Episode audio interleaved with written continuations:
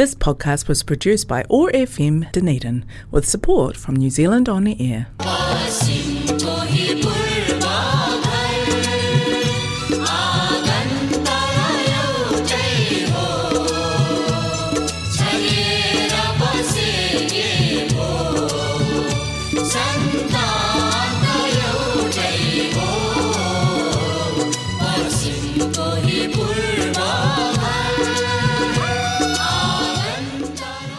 नमस्ते।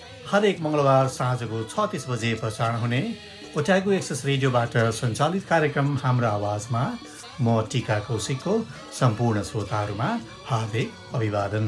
आज मङ्गलबार इस्वी सन् दुई हजार बाइस फेब्रुअरी आठ तारिक तदनुसार विक्रम सम्मत दुई हजार अठहत्तर माघ पच्चिस गते।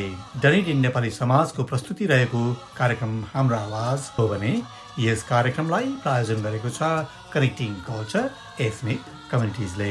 कार्यक्रम हाम्रो आवाज ओट्यागो एक्सेस रेडियो एक सय पाँच दशमलव चार मेगा हर्जमा हरेक मङ्गलबार न्युजिल्यान्डको समयअनुसार साँझ छ तिस बजेदेखि सात बजेसम्म सुन्न सक्नुहुनेछ भने पोडकास्ट तथा आइट्युन्सबाट तपाईँले चाहेको बेलामा सुन्न सक्नुहुनेछ। कार्यक्रम हाम्रो आवाजमा आज तपाईँले सुन्नुहुनेछ एक छलफल र आजका मेरा अतिथि हुनुहुन्छ नर्स रम्बा महर्जन।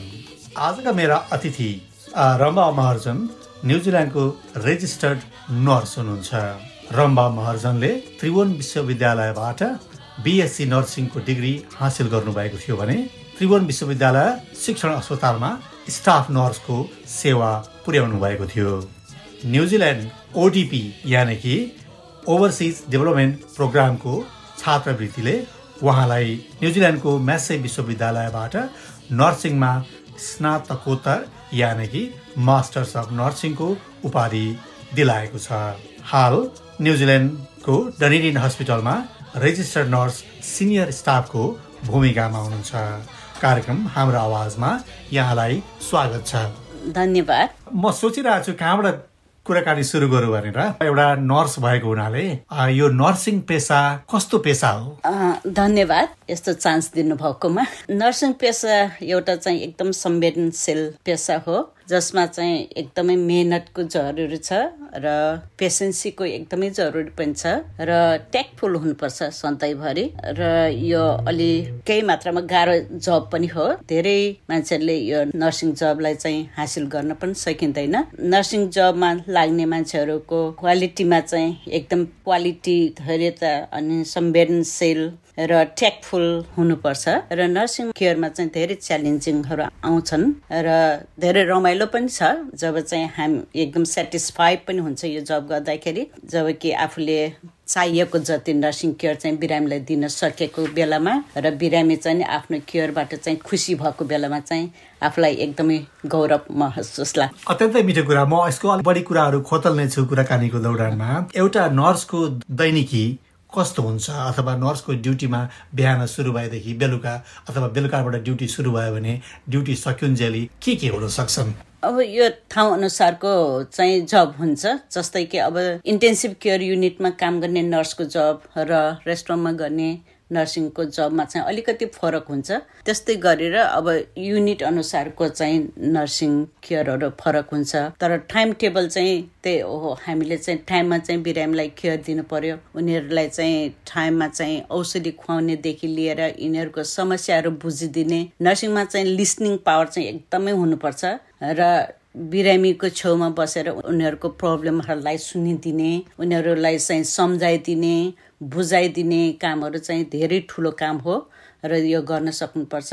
मैले चाहिँ नर्सिङमा फरक देखेको यहाँ र नेपालमा नेपालमा पनि धेरै वर्ष मैले काम गरेँ। झन्डै ट्वेन्टी वर्षसम्म नेपालमा नर्सिङ गरेको हो र यहाँ पनि अलमोस्ट सेभेन्टिन एटिन इयर्स भयो। तर मैले डिफ्रेन्स देखिएकोमा चाहिँ नर्सिङमा नेपालमा चाहिँ टाइम एकदमै कम छ नर्सेसहरूको लागि। म्यान पावर एकदमै कम।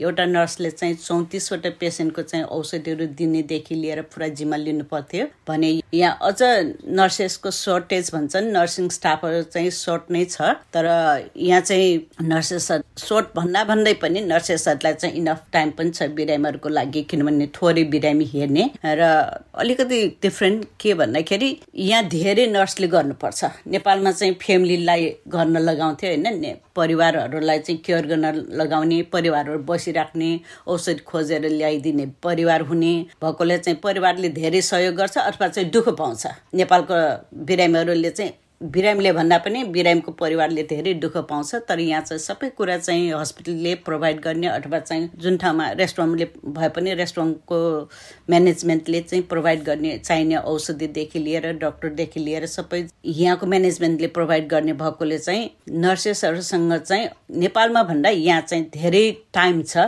बिरामीहरूसँग बसेर उनीहरूलाई बुझाइदिने उनीहरूको केयर गरिदिने टोटल जुन चाहिने उनीहरूलाई केयर गरिदिने। यहाँ त भनौँ भने बिरामीको कुरो नै छैन राखिँदैन।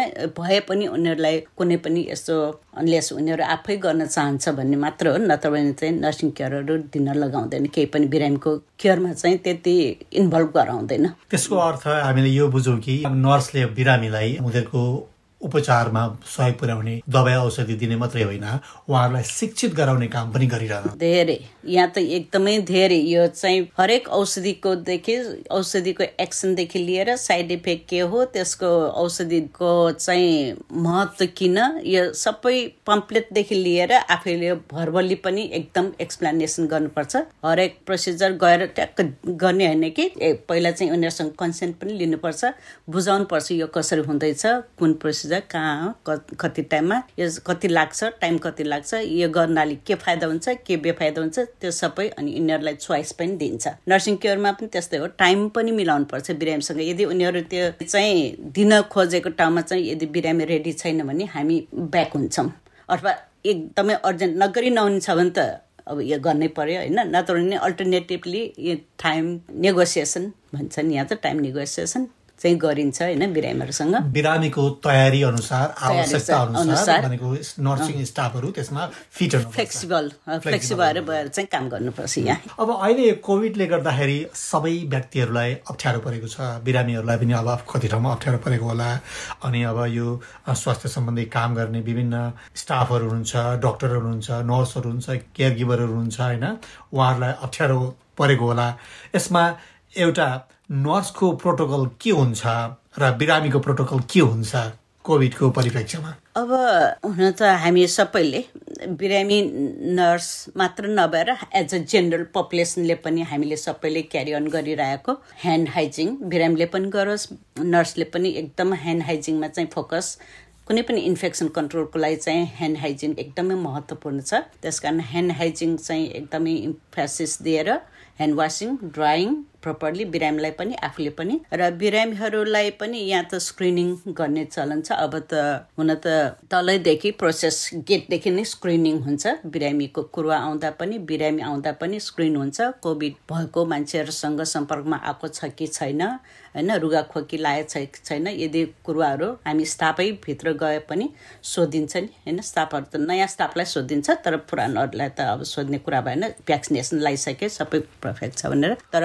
जुन कुराहरू हामी सुरुमा कोभिड आउँदाखेरि चाहिँ हामी सबैलाई डर थियो। बिरामीलाई पनि डरै थियो हामी स्टाफहरूलाई पनि डरै थियो डक्टरलाई पनि डरै थियो सबैलाई किनभने त्यतिखेर यस्तो स्क्रिनिङ गर्ने प्रोग्रामहरू पनि आएको थियो होइन गभर्मेन्टको गाइडेन्सहरू पनि प्रपरली आइरहेको थिएन। त्यतिखेर चाहिँ एकदमै डर थियो। अब चाहिँ पुरा स्क्रिनिङ प्रोग्रामहरू छ अनि प्रोटेक्टिभ मेजरहरू सबैलाई एप्लाई गर्न दिइरहेछ जस्तै कि मास्क लाउनेदेखि लिएर होइन अनि डिस्टेन्समा बस्ने। बिरामीकोमा चाहिँ हामी डिस्टेन्समा त बस्न सक्दैन होइन बिरामीसँग केयर गर्दाखेरि। तर हामी पहिल्यै स्क्रिन गर्छौँ। इमर्जेन्सीमा पस्नु गाडी नै स्क्रिन गरिन्छ। उनीहरू चाहिँ एक्सपोज भएर आएको छ छैन होइन त्यो पोजिटिभ छ भने त अलग्गै त्यो कोभिड वार्डमा डाइरेक्टै डिफ्रेन्ट एरियाबाटै जान्छ होइन अनि त्यसपछि त्यही अनुसार पिपी लगाएर चाहिँ त्यो वार्डमा जान्छ। तर पोजिटिभ छैन भने पनि हामी प्रिकसनको लागि चाहिँ अहिले आएर अब यो डेल्टा वेब यो कोभिड आइसकेपछि मास्क लाउने कम्पलसरी छँदैछ ह्यान्ड हाइजिङ कम्पलसरी छ छ अनि यो स्पेसहरू क्लिनिङ गर्ने होइन वास गर्ने यिनीहरूमा चाहिँ एकदम धेरै जोड दिइरहेछ अनि सबैलाई चाहिँ इन्करेजमेन्ट चाहिँ कोभिडको भ्याक्सिनेसन लाउने। र पिपीको लागि चाहिँ हामी सधैँ नै गरिरहेको हुन्छ। तर मेरो वार्डमा चाहिँ नभएकोले मैले पिपी लाएर काम गर्नु त परेको छैन। तर मास्क चाहिँ हामी सबै कम्पलसरी लाउँछौँ। र डिस्टेन्समा बस सक्दो डिस्टेन्समा तर पोसिबल भएसम्म। के बिरामी के डाक्टर के नर्स अथवा के अरू सर्वसाधारण मास्क अहिले एउटा हाम्रो अभिन्न अङ्ग बनेको छ? हजुर। अब यो सुरक्षाको लागि हामीले प्रयोग गर्नु राम्रो पनि हो त हजुर गर्नै पर्यो सबैले गर्नु पर्यो सबैलाई चाहिँ इन्करेजमेन्ट गर्नु पर्यो भ्याक्सिनेसन लाउनेदेखि लिएर बुस्टर डोज लाउनेदेखि लिएर सबैलाई चाहिँ इन्करेजमेन्ट तर सबैले लिइ पनि राखेका छन् अब। एउटा नर्सलाई आफू ड्युटीमा हुँदा के कस्ता चुनौतीहरू हुन सक्छन्? एउटा चाहिँ बिरामीको लाइफ सेभ गर्ने चुनौती हुन्छ भने अर्को चाहिँ आफ्नो लाइफ सेभ गर्ने पनि चुनौती हुन्छ। किनभने बिरामीबाट चाहिँ आफूलाई पनि कुनै पनि रोग सर्ने अथवा चाहिँ कोही बिरामी चाहिँ एकदम इमोसनली भोइलेन्ट छ भने तिनीहरूबाट एट्याक हुने पनि सम्भावना छन्। धेरै साथीहरूको त्यस्तो अनुभव पनि छ। मसँग त अहिलेसम्म छैन। र त्यस कारण त्यस्तो अवस्थामा चाहिँ कोप गर्ने चाहिँ क्षमता र कोप गर्ने तरिका चाहिँ एकदमै सिक्नुपर्छ होइन? आफू पनि बस्नुपर्छ। र बिरामीलाई पनि बचाउनुपर्छ। यो चाहिँ एकदम ठुलो च्यालेन्ज हो खासमा नर्सिङमा। कुनै ट्रेनिङहरू त दिने हुन्छ डिएसबीबाट एस्कुलेसन ट्रेनिङ भन्ने हुन्छ। हाम्रो चाहिँ त्यहाँ एस्कुलेसन ट्रेनिङहरू दिइरहेको हुन्छ। कसरी चाहिँ हामी सेफ हुने आफू पनि। त्यस्तो कन्डिसनमा। अरू मेडिकल कन्डिसन भन्ने त अब हामी टाइममा चाहिँ आफूलाई डक्टरहरूलाई चाहिँ एलर्ट गराउनेदेखि लिएर टाइममा चाहिँ नर्स बिरामीहरूको कन्डिसन कसरी डिटरेट भइरहेछ भनेर चाहिँ क्लोजली अब्जर्भ गरेर त्यो अनुसार ट्रिटमेन्ट दिने अथवा डिनर लगाउने अथवा चाहिँ दिनमा चाहिँ स्टेप अहेड गर्ने चाहिँ त्यो चाहिँ हाम्रो च्यालेन्जिङ जब हो भने अर्को चाहिँ त्यस्तै बिरामीहरूको कन्डिसन कुनै बेला चाहिँ बिरामी भोइलेन्ट भएको बेला चाहिँ त्यसमा ट्याकल गर्ने पनि अर्को च्यालेन्ज हो। कुनै पनि बेला डाक्टरले नर्सलाई कति जिम्मेवारी दिन सक्छ? अब डक्टरहरूको चाहिँ टाइम टाइममा डक्टरहरूको स्कारसिटी अथवा चाहिँ यहाँ पनि डक्टरको रेस्पोन्सिबिलिटी धेरै छ। विकेन्डमा चाहिँ एउटा हाउस अफिसरले होल फ्लोर हेर्नुपर्ने हुन्छ। त्यतिखेर चाहिँ उसलाई डक्टरले इमिडिएटली पाउन गाह्रो डक्टर पाउन गाह्रो हुन्छ अनि त्यस कारण त्यसमा चाहिँ अब हामीले यदि बिरामीको कन्डिसन एकदम क्रिटिकल छ डक्टरको चाहिँ प्रेजेन्ट चाहिन्छ नै जस्तो लाग्यो भने हामी चाहिँ अब हस्पिटलमा चाहिँ छ त्यो एरेस कल मेडिकल एलर्ट गर्ने अनि त्यो चाहिँ एक्टिभेट गर्छौँ हामीले। र हस्पिटलमा अर्को चाहिँ हामी एक्स्ट्रा स्टाफहरू चाहिँ मगाउने तरिका पनि छ आफूलाई हेल्प चाहियो भने। त्यसमा चाहिँ अब सिटिसी नर्स पनि छ अनि भिआरएम भन्ने पनि छ हाम्रोमा चाहिँ। यदि ओकलोड धेरै भयो भने चाहिँ त्यो ट्रेन केयर सिस्टमले चाहिँ देखाउँछ यहाँ चाहिँ नर्सेसको आवश्यकता धेरै भएको छ भने त्यहाँ चाहिँ सिस्टमले देखाउँछ। त्यही सिस्टम त्यो हेरेर चाहिँ अनि म्यानेजरहरूले चाहिँ स्टाफहरू पाएसम्म डिप्लोय गर्छ। एउटा नर्सलाई कुन बेलामा चाहिँ एकदमै ठुलो आत्मसन्तुष्टि हुन्छ? जहाँसम्म लाग्छ सबै नर्सहरूलाई एउटै होला। जब चाहिँ आफूले जबमा चाहिँ आफूलाई चाहे जति बिरामीलाई चाहिए जति र आफूले चाहना राखे जतिको सेवा दिन सकियोस् र सेवा दिए बापत चाहिँ बिरामीको आउटकम चाहिँ राम्रो हो भने चाहिँ त्यसमा चाहिँ धेरै सन्तुष्टि हुन्छ नर्सेसलाई। बिरामीहरू यहाँले सेवा सुविधा पुर्याएर जाति भएका बिरामीहरूले पछिबाट भए पनि कुनै बेला भेट भयो भने अथवा कुनै पनि माध्यमबाट धन्यवाद पठाउने कामहरू हुन्छ? धेरै हुन्छ। धेरै बिरामीहरू हाम्रोमा चाहिँ अब सिसियु कोर्नर केयर युनिट चाहिँ खासमा चाहिँ अब लङ टर्म केयर त्यति हुँदैन। अनि एक्युटली अनुहार हार्ट एट्याक भयो निको भयो गइहाल्यो होइन? अनि त्यसपछि उहाँहरूले चाहिँ अरू पनि अब अलिकति क्रिटिकली अरू कन्डिसनमा पनि इम्प्रुभमेन्ट भएपछि घर जाने डिस्चार्ज हुने बेलामा धेरैले चाहिँ thank you letter plus gift some cook मिठाईहरू दिएर जानुहुन्छ। अब न्युजिल्यान्डको विभिन्न भनौँ यो स्टाफहरूमा एउटा एथिक्सको कुराहरू पनि छ त्यहाँनिर। स्टाफहरूले गिफ्टहरू लिन मिल्दैन भन्ने कुराहरू आउँछ। अँ त्यो हो। त्यो चाहिँ पक्कै हो। गिफ्ट लिनु हुँदैन। पर्सनल गिफ्ट चाहिँ लिनु हुँदैन। तर एज अ होल सबैलाई दिएको गिफ्ट त लिएन भने उनीहरूको मन दुख लिँदाखेरि आफ्नो एथिक्सको विरुद्धमा जाने होइन। पर्सनल त लिँदैन। पर्सनल कसैले लिँदैन। यो एज अ होल दिएको गिफ्ट चाहिँ लिन्छ। अथवा चाहिँ त्यस्तै अब धेरै बिरामीहरूले कहिले काहीँ त उनीहरू एकदम ह्याप्पी भएर त्यस्तो गिफ्ट मनी गिफ्ट दिने पनि हुन्छ। त्यसखेर चाहिँ हामी म्यानेजरलाई अथवा चाहिँ सोसियल क्लबमा प्रायः चाहिँ म्यानेजरलाई नै दिन्छौँ र म्यानेजरले पनि सबैसँग सल्लाह गरेर अनि के गरौँ यो मनीबाट भनेर सल्लाह हुन्छ। अनि त्यसपछि अब जस्तै बिरामीहरूको लागि नै टिभी किनेर राख्ने अनि त्यस कारण यिनीहरूलाई बोर्ड हुँदैन टिभी हेरेर बस्न पाइन्छ। टिभी किन्ने त्यस्तै प्रोग्रामहरू गर्छौँ हामी। श्रोताहरू यहाँहरू अहिले सुन्दै हुनुहुन्छ नर्स रम्बा महर्जनसँगको कुराकानी। हजुरको न्युजिल्यान्डको यात्राको बारेमा गफ गरौँ। न्युजिल्यान्डमा कहिले आउनुभयो? र यो पेसामा कहिलेदेखि हुनुहुन्छ? न्युजिल्यान्डमा हामी चाहिँ टु थाउजन्डमा आएको। सुरुमा आउँदाखेरि म चाहिँ पढ्नलाई नै आएको MSc degree master of nursing गर्नलाई चाहिँ पाल्मस नर्थमा टु थाउजन्डमा आएको। र मेरो नर्सिङ कोर्स चाहिँ दुई वर्षको थियो। स दुई वर्ष कपाल मन्थ्सपछि कोर्स सकाएर ब्याक गरेँ नेपालमै गयौँ र नेपालमा गएर अझ डेढ वर्ष मेरो टिचिङ हस्टेलमा जब थियो। म टिचिङ हस्टेलबाटै पढ्नलाई आएको। त स्कलरसिप त न्युजिल्यान्ड गभर्मेन्टले दिएको थियो। र त्यो स्कलरसिप पनि राम्रो थियो। सबैलाई त्यतिखेर त्यो स्कलरसिप सबैलाई उस्तै नै हो। परिवारलाई नै दिन्थ्यो। बच्चाहरूलाई पनि स्कलरसिप थियो। त्यस कारण बच्चाहरूले पनि स्कुल पढ्यो। अनि मेरो श्रीमानले पनि पढ्नुभयो आइटीमा पोलिटेकमा पढ्नुभयो। कम्प्युटर सम्बन्धी र ल्याङ्ग्वेजहरू पनि पढ्नुभयो। र दुई वर्षपछि चाहिँ नेपाल गएर डेढ वर्ष जति म टिचिङमा ब्याक गरेर टिचिङ हाउसमा डेढ वर्ष फेरि काम गरेँ। र त्यहाँबाट चाहिँ त्यसपछि अब नेपालको पोलिटिकल सिचुएसनले नै भनौँ न मलाई त नेपालमै बसेर म त काम गर्ने इच्छा नै थियो टिचिङ हाउसमै काम गर्ने इच्छा पनि थियो। तर पोलिटिकल सिचुएसनले बच्चाहरूको स्कुलमा चाहिँ एकदमै डिस्टर्बेन्स भएकोले चाहिँ हामीले यहाँ ट्राई गऱ्यौँ न्युजिल्यान्डमा।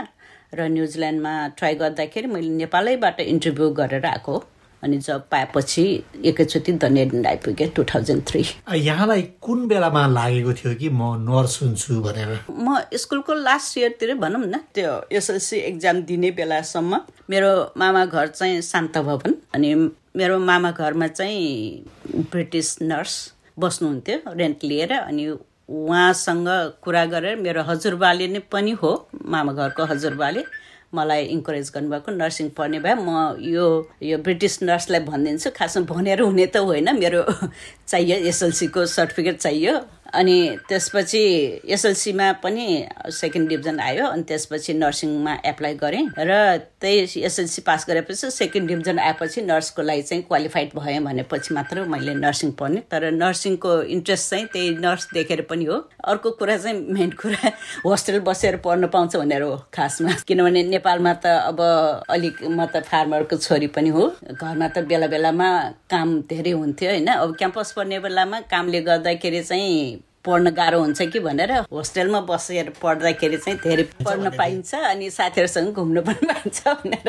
मेन चाहिँ होस्टेल बसेर पढ्न मन लागेको थियो अनि होस्टेलमा बसेर पढ्न पनि पाइन्छ। अनि नर्सिङ जब त अब एकदमै नर्सिङ जब त पाउँछ नै होइन? अनि त्यतिखेरसम्म नर्स पढ्ने मान्छेहरू पनि धेरै थिएन होइन? अनि त्यस कारणले गर्दाखेरि अनि मलाई शान्तवनको चाहिँ नर्सिङ हस्पिटल मन पर्थ्यो अनि नर्सिङ क्याम्पस पनि। अहिले नर्सिङ पढ्दै गरेका विद्यार्थीहरूलाई के भन्न चाहनुहुन्छ? जस्तै न्युजिल्यान्डबाट धेरै नर्सिङ पेसामा लाग्ने कतिजनाले सोचिराख्नु भएको छ पढिराख्नु भएको छ। उहाँलाई के भन्नुहुन्छ? राम्रो हो नर्सिङ गर्नु सेवा गर्नु। धर्म नै हो होइन? हामी भन्छौँ सेवा नै धर्म हो। यो चाहिँ धर्मको काम पनि हो र अर्को चाहिँ आफ्नो लाइफको लागि चाहिँ सपोर्ट हुने र हामीले स्यालेरी पनि पाउँछौँ र जब जहाँ पनि पाइन्छ नर्सिङको जब पाउनलाई सजिलो अहिलेसम्म पनि सजिलै छ। त्यस कारण अनि चान्स पनि छ। नर्सिङबाट चाहिँ आफूलाई चाहियो भने अब कतिसम्म पढ्नुहुन्छ पिएचडीसम्म पनि गर्न सक्नुहुन्छ होइन? त चोइस पनि धेरै छ नर्सिङमा।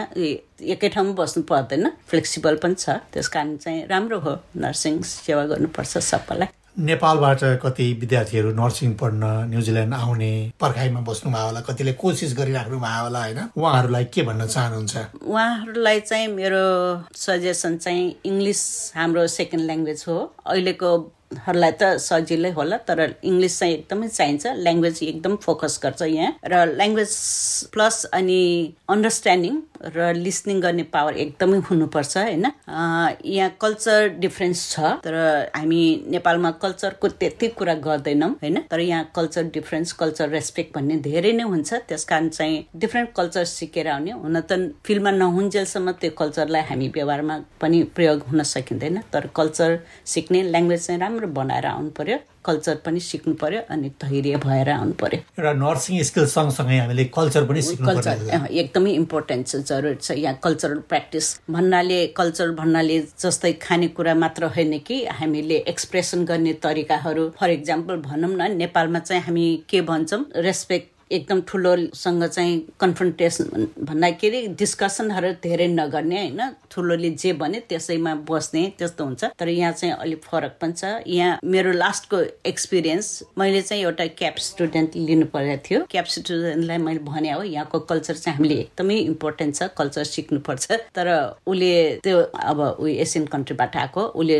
हाम्रो एसियन कल्चर नै बोक्यो। मलाई जस्तो लाग्यो त्यहाँ जब कि उसले चाहिँ जब एप्लाई गर्दाखेरि रिफरेन्समा चाहिँ उसले इन्चार्जलाई राख्नु खोजे होइन? खासमा इन्चार्जसँग त उसको सम्पर्कै भएको थिएन कि मैले भनेको थिएँ यहाँको कल्चर चाहिँ। तिमी जोसँग काम गर्यो उसको रेफरेन्स ल्याऊ होइन?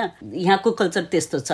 हाम्रो नेपालमा त कल्चर औ इन्चार्जलाई भनेपछि ठुलो बडालाई भनेपछि हुन्छ भन्ने प्रकारले हामी गर्छौँ। तर यहाँको कल्चर त्यस्तो होइन। कल्चर चाहिँ सिक्नुपर्छ भनेको। तर पनि उसले चाहिँ ट्याकल चाहिँ लिन चाहिँ सकिएन जस्तो मलाई फिलिङ भयो क्या यो चाहिँ अब एसियन कल्चर हाम्रो यस्तै हो। मैले त बुझेँ यो त एसियन कल्चर हो। तिमीले अझ पनि एसियन कल्चर यही हो हामीले कल्चर सिक्ने भन्ने कुरा चाहिँ इन्भाइरोमेन्ट होइन? यो चाहिँ टेक्निक आफूसँगको जसले चाहिँ गाइड गर्यो उसको रेफरेन्स नलिएर सिनियरको रेफरेन्स इन्चार्जको रेफरेन्स लिएर उसले त इन्चार्जलाई त थाहा छैन उसको। यहाँले महत्त्वपूर्ण कुरा उठाउनु भयो यहाँनिर। न्युजिल्यान्डमा उपचार गर्ने क्रममा बिरामीको पनि निकै ठुलो इनपुट हुन्छ त्यहाँनिर। नेपालमा त्यति बिरामीको इनपुट हुन्छ बिरामीको इनपुट भन्नाले बिरामीलाई चाहिँ प्रेफरेन्स एकदमै धेरै दिन्छ। बिरामीलाई चोइस दिन्छ। मैले भने खोजेको इनपुट चोइस नै चोइस दिन्छ उनीहरूलाई। धेरै अप्सनहरू दिन्छ अनि चोइस पनि दिन्छ। उसले चाहिँ आफू अनुसारको आफूलाई फिट हुने खालको चाहिँ भन्नाले ट्रिटमेन्टमा त कहाँ हुनु र अलिअलि। अब उसलाई ट्रिटमेन्ट त अपरेसन नै गर्नु परेको छ भने उसले चोइस त अब अपरेसन क्यान्सल गर्न सकिन्छ। उसलाई मन लागेको छैन भने उसले मन नगर्ने। जस्तै कि अब यहाँ चाहिँ अहिले आइरहेछ हामी भन्छ डु नट रिसर्च त्यो कुराहरू चाहिँ चोइस छ यहाँ। नेपालमा त त्यो सोद्ध सोध्दैन। तपाईँलाई रिसर्च स्टेसन गर्ने कि नगर्ने भन्ने अब सिपिआर भनौँ न कार्य पर्मनेन्ट रिसर्च स्टेसन गर्ने कि नगर्ने भन्ने सोद्धा पनि सोध्दैन गएर गरिहाल्छन् होइन? सायद ऊ नब्बे वर्षै किन नहोस् ऊ सायद क्रिटिकली एकदम इल भएर उसको आउटपुटै किन ब्याड नहोस्? तर सोध्दै नसोधै सुरु गरिहाल्छ होइन? अपरेसन गर्दा पनि मलाई जहाँसम्म लाग्छ पहिला त त्यति एक्सप्लेन गरेर ल अब के गरौँ विचार गर्नुहोस् फ्यामिलीसँग कुरा गर्नुहोस् त्यस्तो केही नै हुँदैन ल अपरेसन गर्नु पर्छ साइन गर्नुहोस् साइन गर्नुहोस् त्यस्तो अप्सन पनि दिँदैन टाइम पनि दिँदैन थिङ्क गर्ने टाइम पनि दिँदैन नेपालमा त। अब त फरक भयो कि तर बिस वर्ष पुरानो मैले एक्सपिरियन्स भनिरहेको छु। तर यहाँ चाहिँ एकदमै त्यो चाहिँ टाइम दिन्छ उनीहरूलाई चाहिँ। अर्जेन्ट बाहेक अरू कुरामा चाहिँ धेरै टाइम दिएर एक्सप्लेन गरेर जसले प्रोसिजर गर्छ उसैले एक्सप्लेन गर्नुपर्छ। जसले प्रोसिजर गर्छ उसैले एक्सप्लेन गर्नु अर्ली गर्नु हुँदैन। रमा दिदी तपाईँसँग अझै लामो कुराकानी गर्ने मलाई मन थियो। समयको पाबन्दीमा सबैजना अटाउनु पर्ने भएकाले कार्यक्रमको अन्त्यतिर छु। जाँदा जाँदै कार्यक्रम हाम्रो आवाज सुन्ने श्रोताहरूलाई के भन्न चाहनुहुन्छ? मैले जाने बुझेको मेरो अनुभवमा भएको कुराहरू मैले सेयर गर्न पाएको छु। चान्स दिनुभएकोमा टिकाजीलाई धेरै धेरै धन्यवाद। धन्यवाद। फेरि समय मिलेमा यहाँलाई स्टुडियोमा बोलाएर कुराकानी गर्ने उद्देश्य राखेको छु। आजलाई बिदा हुन चाहन्छु। धन्यवाद। श्रोताहरू यो सुन्नुहोस्। कोभिड नाइन्टिन सम्बन्धी न्युजिल्यान्ड सरकार स्वास्थ्य मन्त्रालयबाट गरिएको विशेष अनुरोध। यतिखेर न्युजिल्यान्डमा कोभिड उन्नाइस फैलिने क्रम तीव्र भएको कारण न्युजिल्यान्ड सरकारले पुरै न्युजिल्यान्डमा एलर्ट लेभल हाई अर्थात् रेड जोन भएको घोषणा गरेको छ। यसको अर्थ हामी अहिले रेड जोनमा छौँ। यो अवस्थामा धेरै मास्कको आवश्यकता पर्दछ र जमघट तथा भेलाहरू घटाउनु या बन्द गर्नु जरुरी छ। तर रातो बत्तीको सङ्केत भनेको लकडाउन भने होइन। कोभिड उन्नाइसको ओमिक्रोन भेरिएन्टलाई सर्न नदिन वा कम गर्न निम्न बमोजिम काम गर्न जरुरी छ। आफ्नो घर बाहिर निस्केर कतै जाँदा मास्कको प्रयोग गर्नुहोस्। गत चार फेब्रुअरीबाट न्युजिल्यान्ड सरकार स्वास्थ्य विभागले मास्क सम्बन्धी नयाँ सूचना जारी गरेको छ। तपाईँले मास्क रूपी कुनै रुमाल गम्छा र फेटाको प्रयोग गर्न मिल्दैन र तपाईँले वास्तविक मास्कको प्रयोग गर्नुपर्नेछ। विभिन्न क्षेत्रमा तोकिए बमोजिमका कर्मचारीले सर्वसाधारणसँग आम्ने सामने हुँदा र बातचित हुँदा स्वास्थ्य विभागले सिफारिस गरेका मास्कको प्रयोग गर्नुपर्नेछ। चिया नास्ता र खाना सम्बन्धी सेवा तथा व्यवसाय र बन्द दिवार भएका स्थानहरूमा मास्कको अनिवार्य प्रयोग गर्नु पर्नेछ केही खाँदा पिउँदा र व्यायाम गर्दा भने आफ्नो मास्क हटाउन मिल्नेछ। गत चार फेब्रुअरीबाट अठार वर्ष वा सोभन्दा माथिका व्यक्तिहरूले आफ्नो दोस्रो खोप लगाएको तीन महिनापछि कोभिड नाइन्टिन फाइजरको बुस्टर खोप लगाउन मिल्ने घोषणा गरेको छ। गत चार फेब्रुअरीभन्दा अगाडि बुस्टर खोप लगाउन आफूले दोस्रो खोप लगाएको मितिबाट चार महिना हुनुपर्ने थियो। भ्याक्सिन पास आफूसँग तयारी अवस्थामा राख्नुहोस्। धेरै स्थानहरूमा स्क्यान गर्नुपर्ने हुन सक्छ अठार वर्ष पुगेकाहरूले कोभिड उन्नाइसको दोस्रो खोप लगाएको चार महिना पुगेको भए तुरन्तै बुस्टर खोप पनि लिनुहोस्। यदि बुस्टर खोप लिन चाहनुहुन्छ भने बुक माई भ्याक्सिन मार्फत आफ्नो एपोइन्टमेन्ट बुक गर्न सक्नुहुनेछ। वाक इन क्लिनिकमा गएर आजै आफ्नो बुस्टर खोप लिन सक्नुहुनेछ। यदि तपाईँ बाह्र वा बाह्र वर्षभन्दा बढी उमेरको हुनुहुन्छ भने डनिडिनको मेरिडियन मलमा वाक इन एपोइन्टमेन्ट पनि लिन सक्नुहुनेछ। कतिपयले तपाईँको जिपीकोमा पनि सिधै गएर आफ्नो खोप लगाउन सक्नुहुनेछ। थप जानकारी चाहिएमा W W W dot southern health dot NZ slash Covid nineteen slash क्लिनिक्सको वेबसाइटबाट पनि जानकारी पाउन सक्नुहुनेछ। पाँचदेखि एघार वर्षसम्मका बालबालिकाहरूका लागि भने एपोइन्टमेन्ट बुकिङको आवश्यकता पर्नेछ। यहाँहरूले आफ्ना नानीहरूको लागि अनलाइनबाट बुक माई भ्याक्सिन मार्फत एपोइन्टमेन्ट बनाउन सक्नुहुनेछ। अथवा शून्य आठ शून्य शून्य दुई आठ दुई नौ र दुई छमा कल गरेर पनि पाँचदेखि एघार वर्षसम्मका बालबालिकाहरूको लागि यहाँहरूले भ्याक्सिनको लागि एपोइन्टमेन्ट बुक गर्न सक्नुहुनेछ। फोन सम्पर्क गर्ने समय बिहान आठ बजेदेखि बेलुकी आठ बजेसम्म सातै दिन उपलब्ध हुनेछ। चालिसभन्दा बढी भाषाहरूमा दोभाषेको सुविधा रहेको जानकारी पनि स्वास्थ्य मन्त्रालयले गराएको छ। श्रोताहरू यहाँहरू अहिले सुन्दै हुनुहुन्छ। कार्यक्रम हाम्रो आवाज ओटाको एक्सेस रेडियो एक सय पाँच दशमलव चार मेगाहजमा कार्यक्रमको निर्धारित समय सकिने लागेको छ। आदरणीय श्रोताहरू तपाईँहरूले आफूले चाहेको बेलामा कार्यक्रम हाम्रो आवाज सुन्न सक्नुहुनेछ। यदि तपाईँ आइओएस चलाउनुहुन्छ भने सिधै आइट्युन्सबाट र एन्ड्रोइड चलाउनुहुन्छ भने तपाईँले पोडकास्ट एपबाट हाम्रो आवाज टाइप गरेर सर्च गर्नुभयो भने हाम्रो आवाज ओट्यागो एक्सेस रेडियो स्वत देखिन्छ। त्यसमा क्लिक गरेर आफ्नो अनुकूल समयमा सुन्न सक्नुहुनेछ। पोडकास्ट एपबाट यहाँहरूले सब्सक्राइब पनि गर्न सक्नुहुनेछ। डेनिडिन नेपाली सोसाइटीको फेसबुक पेजबाट पनि कार्यक्रम हाम्रो आवाज सुन्न सक्नुहुनेछ। जाँदा जाँदै हाम्रो आवाजका प्रायोजक कनेक्टिङ कल्चर र यो आवाज तरङ्गित गराउने ओट्यागो एक्सेस रेडियोलाई धेरै धेरै धन्यवाद। त्यस्तै गरेर आजका मेरा अतिथि रम्बा महर्जनलाई पनि मुरी मुरी धन्यवाद भन्दै आउँदो मङ्गलबार साँझ छ तिस बजे फेरि भेट्ने बाचाका साथ प्राविधिक मित्र जेफ र म टिका कौशिक ओजेल हुन चाहन्छु। नमस्ते शुभरात्रि। This podcast was produced by ORFM Dunedin with support from New Zealand On the Air.